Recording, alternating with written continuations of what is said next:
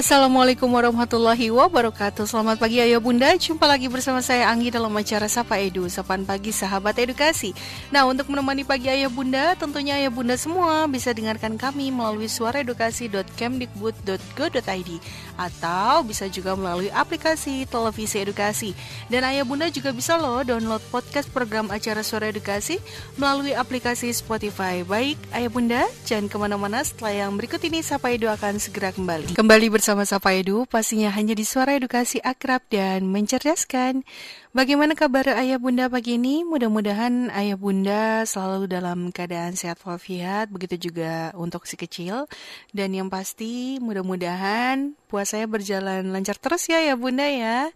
Nah, ngomong-ngomong tentang puasa nih ayah bunda, pastinya kita harus dan selalu mengenalkan puasa kepada si kecil sejak dini. Nah, untuk itu, saat ini sama-sama yuk ayah bunda sambil mengisi waktu ayah bunda di pagi ini. Dengarkan Sapa Edu dengan tema mengenalkan bulan suci Ramadan pada anak usia dini. Jadi tetap bersama Sapa Edu dan pastinya untuk ayah bunda yang mau mendengarkan kami terus Bisa di suaraedukasi.kemdikbud.go.id atau melalui aplikasi televisi edukasi. Dan ayah bunda juga bisa download podcast program acara Suara Edukasi melalui aplikasi Spotify. Baik ayah bunda jangan ke mana-mana. Setelah yang berikut Sapa Edu akan segera kembali. Ayah bunda bulan Ramadan telah tiba, jadi seluruh keluarga akan berpuasa, termasuk anak-anak nih. Sebagai orang tua, melatih anak berpuasa sangat penting sekali sebagai pembelajaran beragama sejak dini. Nah, mengenakan puasa pada anak sejak dini adalah langkah terbaik yang bisa orang tua lakukan untuk memberikan pemahaman mengenai pentingnya puasa. Jadi tentunya ketika uh, kita mengajarkan puasa kepada anak-anak sudah seharusnya dilakukan secara bertahap dan tentunya nggak boleh ada paksaan ya ya bunda. Namanya juga anak-anak pasti nggak bisa dong nahan lapar jadi harus bertahap sesuai dengan jenjang usianya. Nah, anak usia dini atau anak di usia 3 sampai 5 tahun sekiranya belum begitu memahami konsep puasa, tapi ia sudah bisa memahami keceriaan dan suasana pada saat bulan Ramadan. Misalnya ketika ramai-ramai bangun pagi-pagi saat sahur ya karena mendengar apa ada suara beduk gitu ya dan saat berbuka. Nah, kemudian ketika anak memasuki sekolah dasar, orang tua bisa mengenalkan konsep dan makna puasa yang sebenarnya pada anak. Jadi Ramadan itu bukan hanya latihan berpuasa, menahan lapar dan dahaga di siang hari atau bangun untuk makan sebelum tibanya waktu imsak. Ramadan juga bukan soal Bunda bangun lebih awal untuk menyiapkan makanan sahur dan menyiapkan hidangan berbuka sebelum azan maghrib. Jadi Ramadan tidak hanya sekedar hal-hal yang disebut di atas ya ya Bunda tadi, melainkan kesempatan untuk menaikkan nilai-nilai uh, spiritual kita yang bisa kita lakukan gitu ya pada saat bulan Ramadan. Bukan berarti pada saat uh, bulan biasa atau sebelum Ramadan kita tidak bisa melakukannya, tapi mungkin di Ramadan ini uh, suasananya berbeda jadi kita bisa melakukannya dengan lebih khusyuk lagi. Oke ayah bunda nanti setelah yang satu ini kita akan bahas bersama lagi tentang mengenalkan bulan suci Ramadan pada anak usia dini. Jadi jangan ke mana-mana tetap bersama Sapa Edu. Kembali bersama Sapa Edu ayah bunda dan pastinya hanya di suara edukasi akrab dan mencerdaskan. Ayah bunda, seluruh muslim di dunia tengah menjalankan puasa Ramadan, di mana bulan ini bulan paling suci dalam kalender Islam tentunya. Untuk anak-anak, puasa mungkin masih terasa asing dan sulit ya dijalankan. Oleh karenanya, sebagai orang tua harus memperkenalkan arti puasa sedini mungkin. Jadi memperkenalkan anak-anak pada dasar-dasar keyakinan muslim akan menjadi tempat yang baik untuk memulai menjelaskan apa itu puasa di bulan Ramadan. Ada beberapa hal yang bisa ya Bunda jelaskan tentang arti puasa pada anak-anak, yaitu misalnya menjelaskan tentang waktu puasa. Jadi mulailah menjelaskan kepada si kecil kapan waktu puasa.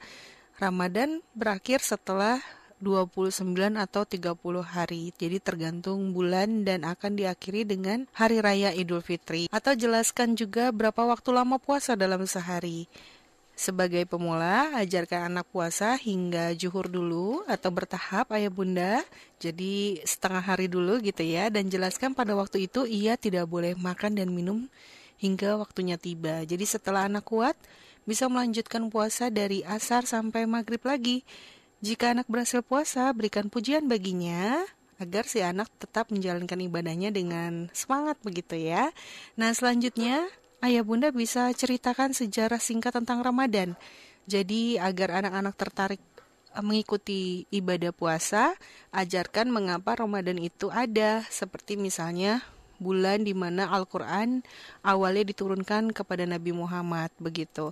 Nah kemudian mereka yang menjalankan Ramadan akan berpuasa setiap hari dari fajar hingga senja. Nah, ini adalah uh, salah satu kunci dari keyakinan Islam sebagai bagian dari lima rukun Islam yang harus dilakukan setiap Muslim pada bulan Ramadan. Nah, kemudian ayah bunda juga bisa menjelaskan tentang melakukan kebaikan di bulan Ramadan itu pahalanya berlipat ganda. Misalnya jelaskan pada si kecil, jika puasa tidak hanya menahan lapar dan haus selama seharian, melainkan dapat mendekatkan diri kita kepada Allah dengan cara melakukan kebaikan-kebaikan seperti misalnya beramal, meningkatkan ibadah sholat dan mengaji, serta juga dapat mengontrol diri kita dengan tidak berkata kasar, eh, kemudian belajar untuk bersabar, nggak boleh menangis, dan juga mungkin berperilaku buruk gitu ya atau ngambek gitu sama bundanya. Nah, ini harus dijelaskan juga kepada si kecil. Nah, kemudian pastinya ayah bunda harus memberikan contoh. Dalam menjelaskan puasa pada anak, memang paling mudah orang tua memberikan contoh. Dengan begitu, anak pun akan penasaran dan ingin mencoba. Mulailah ajak anak-anak untuk makan sahur bersama hingga berbuka puasa saat maghrib tiba. Jadi ajak anak untuk terlibat dalam menyiapkan sahur misalnya atau menu berbuka puasa ya bunda sehingga mengajak anak-anak untuk melakukan hal yang seru ketika eh, menunggu datangnya azan maghrib begitu ya.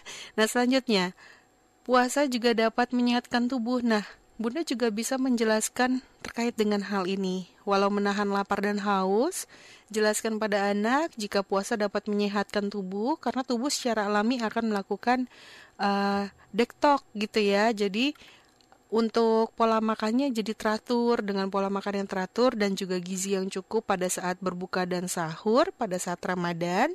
Jadi tubuh si anak akan semakin sehat dan juga terhindar dari berbagai penyakit. Itulah ya Bunda yang mungkin bisa ya Bunda jelaskan kepada anak-anak yaitu apa sih arti Ramadan atau arti puasa itu begitu ya. Jadi ada uh, lima poin ya yang bisa ayah bunda jelaskan kepada anak-anak sekali lagi yaitu menjelaskan tentang waktu puasa, kemudian menceritakan sejarah singkat Ramadan, melakukan kebaikan pada saat bulan suci Ramadan, memberikan contoh kepada anak-anak dan juga puasa itu dapat menyehatkan tubuh. Baik ayah bunda, yang berikut Sapa Edu akan segera kembali, jadi tetap bersama kami dalam acara Sapa Edu. Kembali bersama Sapa Edu ayah bunda dan pastinya hanya di suara edukasi akrab dan mencerdaskan. Puasa merupakan salah satu dari lima rukun Islam dalam agama Islam pastinya. Hal pertama yang harus dilakukan orang tua dalam mengajarkan anak-anak untuk puasa adalah menanamkan ajaran agama kepada putra-putrinya. Maka penting mengajarkan arti Ramadan pada anak sejak dini. Nah untuk itu, saat ini kami sudah bersama uh, Bapak Ustadz Adrian Rahman dari Yayasan Masjid As-Salam Ciledug. Assalamualaikum, selamat pagi Pak Ustadz. Waalaikumsalam warahmatullahi wabarakatuh. Apa kabarnya Kak Anggi? Alhamdulillah baik Pak Ustadz. Pak Ustadz sendiri bagaimana kabarnya Pak? Alhamdulillah sehat-sehat aja. Alhamdulillah senang sekali pagi ini Sapa Edu dapat berbincang dengan Pak Ustadz dan sebelumnya bisa memperkenalkan diri terlebih dahulu kepada ayah bunda dan juga sahabat kecil edukasi Pak Ustadz. Silakan. Halo ayah bunda, saya Adrian Rahman dari Yayasan Masjid Assalam Leduk, Kota Tangerang. Tempat kecil, yuk sama-sama kita belajar. Mm-hmm. Apalagi di dalam suci Ramadan ini, pahala dalam menuntut ilmu tentunya akan lebih berlipat-lipat lagi. Amin. Pak Ustadz, bicara tentang mengajarkan anak-anak tentang arti Ramadan nih Pak Ustadz. Bisa dibilang susah-susah gampang ya Pak Ustadz. Pasti berkaitan juga susah, dengan... Susah gampang. Betul. Pasti berkaitan juga dengan orang tua mengajarkan puasa dan juga rangkaian ibadahnya setiap hari. Nah, sebaiknya usia berapa sih Pak Ustadz anak dapat diajarkan makna puasa di bulan suci Ramadan Pak Ustadz? Gini ya, uh anak itu laksana kertas yang kosong gitu. Jadinya sedini mungkin sebaiknya apa aja mengenai tentang agama itu harus diajarkan seperti itu. Jadinya dikala kalau misalnya kita berbicara tentang puasa itu uh, pada saat dia itu sudah bisa membedakan yang mana kanan, yang mana kiri, dia tahu yang mana itu hidung, yang namanya itu mulut, yang namanya itu mata, sudah bisa berinteraksi dengan orang tuanya, bisa tuh kita start untuk mengajarkan tentang agama dengan puasa. Baik Pak Ustadz, jadi kalau untuk anak usia dini mungkin bisa bertahap ya Pak Ustadz ya, bisa setengah hari dulu. Bisa bertahap, betul, nah, betul, nanti betul sekali. Sesuai dengan jenjang usianya, mungkin ayah bunda bisa menambahkan betul. waktu puasanya sampai dengan maghrib begitu ya Pak Ustadz ya. Betul. Nah Pak Ustadz, apa yang betul. harus orang tua persiapkan nih Pak Ustadz untuk uh, apa ketika ayah bunda mau melatih anak-anaknya berpuasa? Yang pastinya sih ilmunya ya. Mm-hmm. Yang namanya harus paham mengenai ilmu tentang puasa. Yeah. Puasa itu apa? Apa-apa mm-hmm. aja yang membatalkan? Mm-hmm. Uh, syaratnya, terus mm-hmm. kemudian rukunnya seperti itu. Mm-hmm. Itu yang harus uh, pertama kali orang tua orang tua uh, wajib mengetahuinya. Mm-hmm agar anak-anaknya tidak serta-merta menjalankan uh, ibadah itu dengan semaunya sendiri gitu. Iya baik, jadi mungkin kemudian tentunya tentang uh, ya tentunya setelah itu uh, lihat juga kondisi anaknya. Seperti itu. Iya baik, mungkin jadi orang tua bisa menjelaskan secara pelan-pelan juga kepada anak-anak secara pelan-pelan betul. Iya, dari mulai arti puasa itu apa, kemudian maknanya hmm. apa, manfaatnya betul. apa, begitu ya Pak Ustadz. Dan yang pasti kita harus menjadi contoh untuk anak-anak kita ya Pak Ustadz ya. Betul sekali. Iya baik. Sekali, Apa yang bisa orang tua jelaskan terkait dengan pengenalan bulan suci Ramadan nih pada anak-anak Pak Ustadz? Biasanya orang tua mau mengajarkan anak-anak tapi mulainya tuh bingung mau dari mana begitu. Silakan Pak kita kenalkan dulu euforia dari bulan Ramadan. Mm-hmm. Kita kenal dulu gitu. Mm-hmm. Dengan kita sendiri mencontohkan bahwa di bulan Ramadan ini mm-hmm. kita tingkatkan lagi ibadah-ibadah kita. Kemudian mm-hmm. kita kenalkan bahwa oh kita ini sedang berpuasa nih, mm-hmm. gitu. Kemudian uh, kita jelaskan puasa itu seperti ini nih nak Gitu. Uh, Gunanya apa sih uh, untuk ke anak-anak penjelasannya cukup simpel, mm-hmm. yaitu agar kita meraih atau kita disayang sama Allah, mm-hmm. agar kita dicinta sama Nabi kita, yeah. seperti itu. Jadi kita bisa menjelaskan kalau bulan suci Ramadan ini uh, kita berlomba-lomba untuk uh, berbuat kebaikan juga ya Pak Ustadz? Bukan berarti pada hmm, bulan sebelumnya kita nggak bisa berbuat kebaikan tapi di bulan Ramadan ini pahalanya insya Allah dilipat gandakan ya Pak Ustadz ya? Betul sekali betul iya. Baik Pak Ustadz bagi sebagian anak-anak makna puasa hanya menahan rasa haus dan lapar seharian penuh nih Pak Ustadz. Jadi sebenarnya apa sih makna puasa di bulan suci Ramadan yang bisa orang tua jelaskan kepada anak-anak Pak Ustadz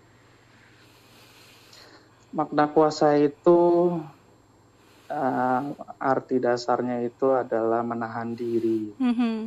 Itu jadinya uh, itu secara bahasa itu menahan diri. Yeah. Jika secara agama itu menahan uh, dari segala hal-hal yang membatalkan dan merusak mm-hmm. ibadah puasa itu sendiri dari fajar sampai mm-hmm. dengan terbenamnya matahari hmm. seperti itu. Ya baik. Nah kemudian manfaat puasa yang bisa kita jelaskan kepada anak-anak, contohnya seperti apa Pak Ustadz? Manfaatnya yang pertama bagi anak-anak itu sendiri mereka kan rada susah tuh ya yang mm-hmm. namanya makan banyakkan anak-anak tuh. Mm-hmm. Mereka jadi tahu tuh arti dari lapar. Mm-hmm. Uh, uh, jadinya uh, manfaatnya dalam mereka bisa mensyukuri atas rezeki, atas makanan, atas minuman yang diberikan orang tua kepada mereka. Mhm. Gitu. Baik, jadi Kemudian, Mhm. uh, uh, silakan Pak Ustadz. kemudian kemudian kita bisa menjelaskan manfaat puasa itu juga bagus untuk Mhm. kesehatannya mereka. Gitu. Mhm, baik. Nah, Pak Ustadz, bagaimana sih cara melatih anak untuk terbiasa berpuasa nih Pak Ustadz? Melatihnya adalah yang pertama kita ajak dulu nih, kita ajak, kita perkenalkan. Mereka Mhm. kan eh, mencontoh Iya. orang tuanya, Mhm. begitu. Jadi dengan setiap hari, setiap saat kita mencontohkan Mhm. baik, tentunya mereka akan eh, mengikuti juga. Mhm. Pertama ya kita ajak tuh untuk berpuasa. Yang Mhm. pertama kita biasakan mereka untuk bangun di kala sahur. Iya. kita biasain mereka. Terkadang banyak anak-anak yang waktu tidurnya itu luar biasa malam. Mhm. Kita harus biasakan tuh yang namanya anak-anak eh, untuk tidur di waktu-waktu yang bagus, di waktu yang tidak terlalu malam. Mhm. Misalnya ada isya. Iya. Itu. Baik. Jadinya meskipun kita sendiri tuh tidak bisa atau belum ngantuk, ya Mhm. kita pura-pura tidur agar anak juga bisa tidur biar pola tidurnya itu jadi bagus. Seperti itu. Mhm. Nantinya mereka akan terbiasa untuk bangun sahur atau terbiasa dengan bangun di waktu subuh. Seperti itu Kang. Iya, baik. Jadi orang tua juga harus membiasakan eh, waktu-waktu bangun dan juga tidur si anak agar si anak juga nggak kaget-kaget banget gitu ya Pak Ustadz ya. Jadi Betul, bisa nggak eh, kaget-kaget banget. jadi bisa melatihnya pelan-pelan ayah bunda di rumah ya. Nah Pak Ustadz tips Pelan-pelan, dong untuk betul berpuasa bagi anak-anak Pak Ustadz. Tipsnya yang pertama adalah eh, ikutilah eh, maunya si anak gitu. Mhm. Dikala mereka itu misalnya minta eh, libur untuk puasa, contohnya anak anak saya nih sekarang pada hari ini dia minta minta libur puasanya, padahal sudah dari pertama sampai kemarin itu full alhamdulillah, umur 6 Alhamdulillah. tahun. 6 tahun ya Pak Alhamdulillah. Ustadz. Mhm, luar umur biasa. 6 tahun alhamdulillah Mhm, mhm. sudah bisa sampai maghrib meskipun di saat jam-jam kritis pada Iya, asar. pada asar. Mhm. Itu alhamdulillah kita kita ini eh, Mhm. mencoba untuk apa sih eh, anak tuh supaya jangan sampai ingat kalau dia itu kelaparan atau kehausan kita Mhm, coba alihkan perhatiannya Betul. mereka dengan kegiatan-kegiatan yang positif. Baik. Misalnya kita siapkan per- permainan Ramadan, Mhm, ya mhm, kan. mhm. Jika jika itu eh, misal ada tuh eh, di rumah permainan-permainan terkait dengan Ramadan. Mhm. Jadi di saat dia itu eh, melakukan kegiatan ibadah, contohnya misalnya sholat duha, itu boleh Mhm, tuh yang namanya dia mewarnai gambar tertentu Mhm. seperti itu. Jadi dia terpacu tuh untuk melakukan segala sesuatu karena ada rewardnya Betul. gitu. Iya, jadi Ah. nanti si anak fokusnya nggak kepada puasanya, tapi kegiatan rangkaian kegiatan-kegiatan yang ayah bunda berikan kepada si anak di rumah, begitu ya Pak Ustadz ya? Betul, betul, betul. Iya, baik. Nah, Jangan Pak Ustadz nih ngomong-ngomong anak-anak, anak sendiri. Ah, iya betul, anak-anak pasti belum eh, begitu mengetahui tentang apa saja sih yang dapat membatalkan puasa, bisa dijelaskan Pak Ustadz? Ada sembilan Mhm, hal-hal yang membatalkan puasa. mhm, Yang pertama memasukkan sesuatu itu ke lima lubang. mhm, Lubangnya apa aja tuh? Yang pertama mulut, mhm, yang kedua hidung, mhm. yang ketiga telinga, yang keempat mohon maaf ya Iya. eh, kemaluan depan, Mhm. kemudian di bagian belakang itu Baik. ada lima lubang yang tidak boleh dimasuki dan ada batas-batas tertentunya. Mhm, mhm. Itu misalnya telinga hanya sampai batasan jangkauan dari jari kelingking. Jika Oke. lebih maka akan batal. Mhm, Gitu. Kemudian eh, muntah dengan sengaja. mhm. Yang kedua muntah dengan sengaja. Terus kemudian eh, yang eh, ketiga adalah eh, hubungan suami istri. Mhm. Kemudian yang keempat adalah eh, keluarnya apa sih itu uh, mani dengan sengaja. Mm-hmm. Kemudian selanjutnya ada haid, mm-hmm. nifas, melahirkan, atau keluarnya calon bayi, mm-hmm. tidak cuma sekedar melahirkan, tapi juga keguguran, mm-hmm. itu juga bisa membatalkan puasa. Mm-hmm. Terus hilangnya akal, yeah. hilangnya akal itu ada tiga. Mm-hmm. Yang pertama itu uh, gila, mm-hmm. yang kedua itu pingsan, mm-hmm. yang ketiga itu uh, tidur. Oh baik. Gitu. Tapi hmm. untuk yang tidur itu tidak ada masalah sekali. Hmm. Kemudian yang terakhir adalah murtad hmm. keluar dari agama Islam itu membatalkan puasa seperti hmm. kami. Baik Pak Ustadz, tadi Pak Ustadz bilang tidur ya. Wah ngomong-ngomong tidur pasti anak-anak ini kan ada jam waktu tidur siangnya Pak Ustadz. Nah, oh, kemungkinan betul, betul ya sebagian besar anak mungkin karena waktu tidurnya masih belum uh, apa terbiasa dengan bangun sahur gitu ya Pak Ustadz ya. Nah, apakah jika terlalu hmm. banyak tidur itu baik pada saat bulan Ramadan? Bisa dijelaskan Pak Ustadz? Tentunya itu kurang begitu baik ya. Ada waktu hmm. waktu-waktu tidur nggak cuma di bulan Ramadan aja yang hmm. uh, amat sangat kurang baik yeah. untuk tubuh. Hmm. Itu ya kebanyakan tidur pun itu kurang bagus. Hmm. Jadi ada waktu-waktu baik itu untuk tidur uh, nggak cuma di bulan Ramadan saja. Jadi itu kurang begitu bagus jika mm-hmm. uh, apa sih aktivitas tidur itu terlalu banyak. Yeah. Seperti itu. Jadi makanya kita harus sibukkan anak-anak berbagai macam uh, permainan, aktivitas. Mm-hmm. Kita uh, tawarkan reward-reward, hadiah-hadiah. Mm-hmm. Karena yang namanya anak-anak yang masih simpel, mereka masih masih mengedepankan, masih mencari-cari apa nih buat saya, apa nih buat saya seperti mm-hmm. itu kan. Baik. Nah, kemudian bagaimana cara memberikan pengertian kepada anak di Pak Ustadz agar anak mau belajar puasa dan juga melaksanakan rangkaian ibadah lainnya tanpa ada paksaan dari orang tua, misalnya seperti tarawih, mengaji, atau bersedekah. Silakan Pak Ustadz. Uh, itu prosesnya cukup panjang ya, hmm, prosesnya hmm, hmm. cukup panjang jadinya uh, pembiasaan itu penting. Mm-hmm. Makanya pengenalan agama dari sedini mungkin itu amat sangat diperlukan. Mm-hmm. Jikalau nanti di saat anak-anak sudah mulai uh, berinteraksi dengan orang banyak, mm-hmm.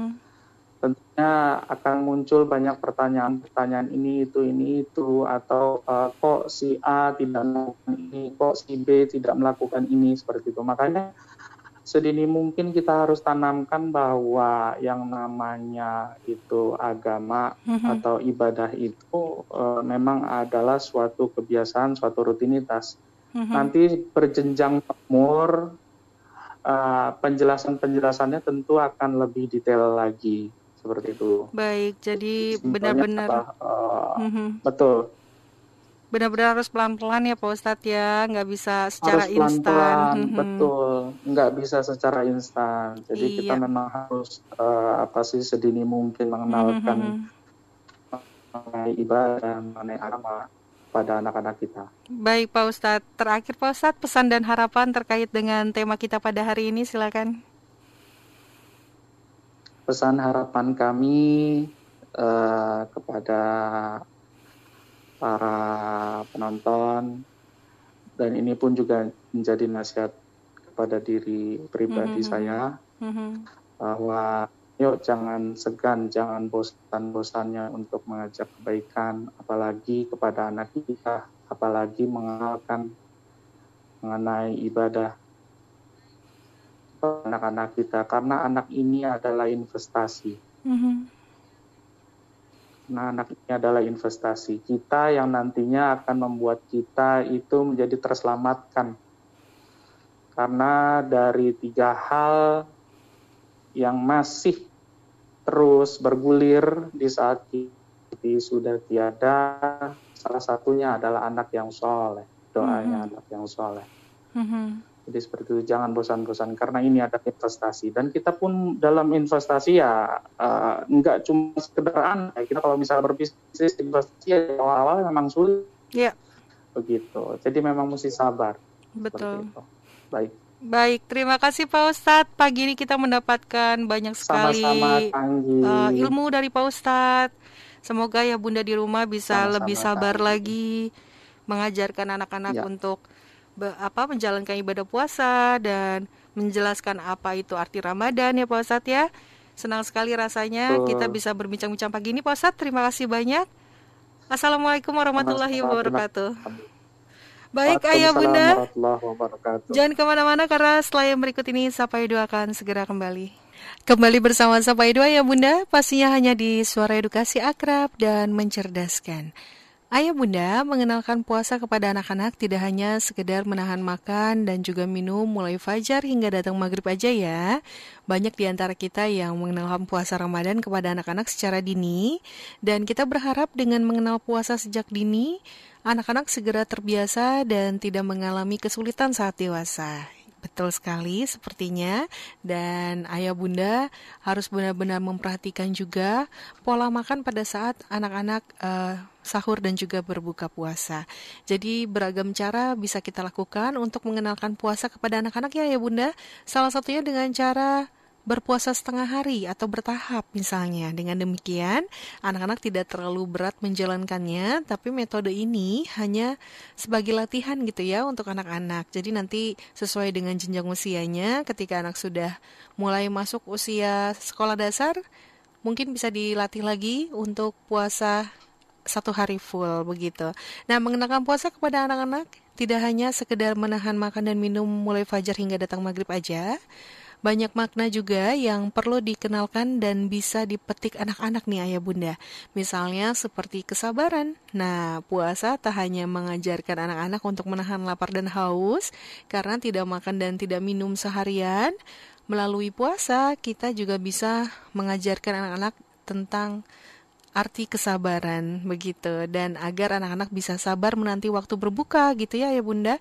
Dan orang tua bisa juga mengajaknya melakukan kegiatan-kegiatan yang menarik supaya anak-anak tidak fokus kepada puasanya tapi uh, fokus kepada kegiatan-kegiatan yang diberikan oleh ayah bunda. Sehingga anak-anak sangat senang menjalankan ibadah puasa dan juga tidak terasa nih sambil menunggu waktu berbuka puasa anak-anak tidak akan uh, merasa apa ya lapar gitu ya haus karena memang fokusnya nggak kepada puasanya.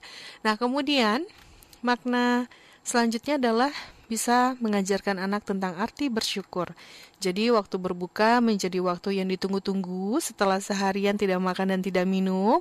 Orang tua bisa menyajikan hidangan-hidangan favorit anak-anak agar anak tambah semangat ya untuk menjalankan ibadah puasanya juga.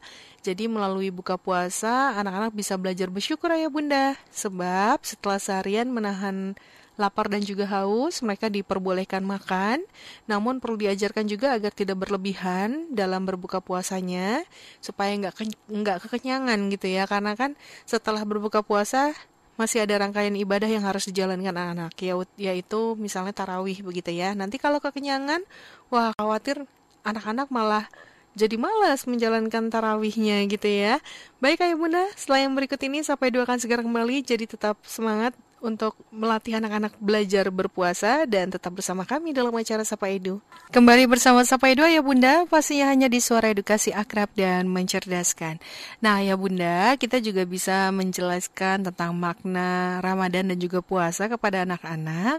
Jadi untuk makna puasa yang dapat ayah bunda ajarkan kepada anak-anak di rumah selanjutnya adalah berempati dan juga berbagi. Jadi rasa lapar dan haus selama berpuasa juga mengajarkan bahwa masih banyak loh saudara-saudara kita yang hidup dalam kekurangan.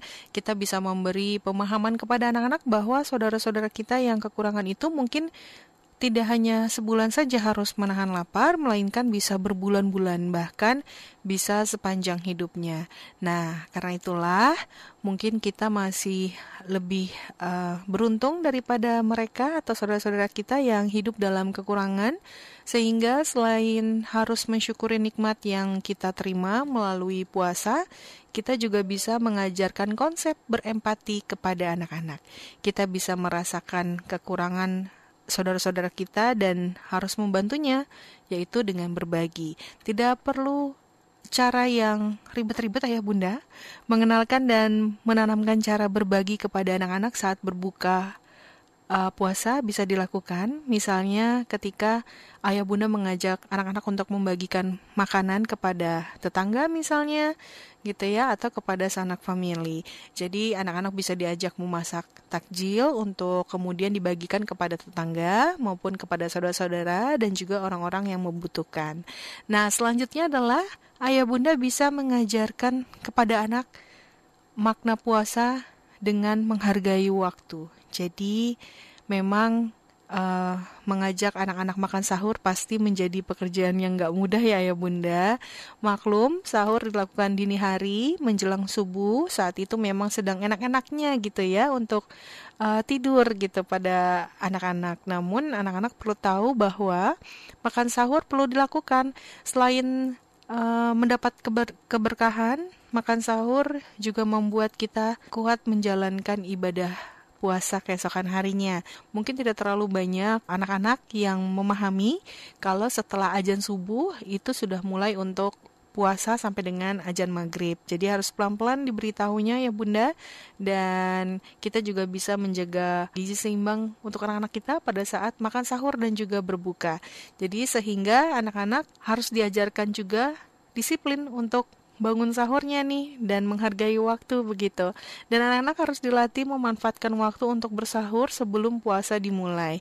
Dengan kegiatan yang menyenangkan, kita juga bisa mengajarkan anak-anak dengan cara uh, yang menarik. Misalnya, anak-anak bisa mengisi waktu menunggu berbuka puasa hingga ajan maghrib. Bisa dengan kegiatan yang sangat uh, seru di rumah, misalnya mendongeng atau bermain bersama anak-anak, atau mungkin ayah bunda bisa mengajarkan mengaji kepada anak-anak, atau bisa juga uh, menceritakan tentang kisah uh, Nabi kepada anak-anak gitu ya, sehingga menunggu waktu berbukanya nggak kerasa tuh bunda ya. Baik ayah bunda, setelah yang satu ini sampai dua akan segera kembali, jadi jangan ke mana-mana, tetap bersama kami ya ayah bunda. Kembali bersama Sapa Edu Ayah Bunda dan pastinya hanya di suara edukasi akrab dan mencerdaskan. Sebelum melatih anak untuk berpuasa, ada baiknya ya Bunda memberikan penjelasan tentang manfaat puasa kepada anak-anak. Melatih anak berpuasa sejak dini sangat baik, ini akan menjadi bekal ke depan agar anak terbiasa menjalankan ibadah puasa. Berikan pengertian manfaat berpuasa sebelumnya dan tanamkan di dalam jiwa anak bahwa berpuasa adalah ibadah yang wajib dilakukan. Jadi manfaat puasa yang dapat Ayah Bunda jelaskan kepada sekecil, contohnya misalnya mengajarkan anak menjadi lebih sabar dan menghargai waktu. Berpuasa artinya menahan haus dan lapar dari waktu uh, imsak sampai dengan azan maghrib kondisi tersebut akan mendidik anak menjadi pribadi yang lebih sabar dan juga menghargai waktu. Misalnya pada waktu sahur, anak akan lebih menghargai waktu dengan tidak malas-malasan atau tidak malas bangun tidur agar bisa menjalankan sahur bersama keluarga. Nah, kemudian manfaat Selanjutnya adalah puasa akan mengajarkan anak mengenai agama. Jadi anak yang sudah menjalankan ibadah puasa sejak dini akan membuatnya dekat dengan nilai-nilai agama saat ia dewasa nanti. Selain itu, agama adalah benteng yang menjaga manusia dari perilaku negatif di sekitarnya juga. Sehingga saat anak sudah diajarkan berpuasa sejak dini, karakter anak akan dipenuhi dengan perilaku positif dan anak akan lebih mengerti perbuatan yang boleh dilakukan dan tidak boleh dilakukan. Nah, kemudian pastinya ayah bunda bisa mengajarkan anak menjadi pribadi yang tidak boros dan dapat hidup sederhana. Jadi manfaat yang bisa diambil pada saat mengajarkan anak berpuasa adalah anak bisa menjadi pribadi yang tidak boros dan hidup sederhana.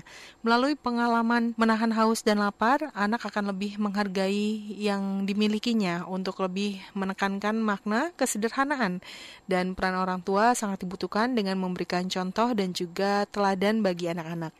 Dan manfaat selanjutnya adalah puasa akan membuat tubuh menjadi sehat Meskipun anak merasa lemas saat menjalankan ibadah puasa, tetapi saat berbuka si kecil akan lebih banyak menikmati sayuran misalnya atau buah-buahan ya Bunda ya. Buatlah menu berbuka atau sahur yang menarik untuk si kecil dan menunya bisa disesuaikan dengan kegemaran si kecil atau bentuk menu eh, menu-menunya itu lucu-lucu gitu ya. Dan ini akan membuat si anak semakin semangat untuk menjalankan sahur dan berbuka puasa. Nah, kemudian ayah bunda juga bisa terus memberikan semangat kepada anak-anak kalau puasa itu adalah ibadah dan ayah bunda juga bisa mengajarkan kegiatan-kegiatan atau rangkaian ibadah lainnya misalnya seperti mengaji, tarawih atau uh, bersedekah begitu dan jelaskan juga kepada anak-anak apa yang dilakukannya pada bulan suci Ramadan ini insya Allah pahalanya akan dilipat gandakan. Amin. Ayah Bunda, sampai di sini dulu perjumpaan kita dalam acara Sapa Edu dan semoga apa yang sama-sama kita bahas hari ini dapat bermanfaat untuk kita semua.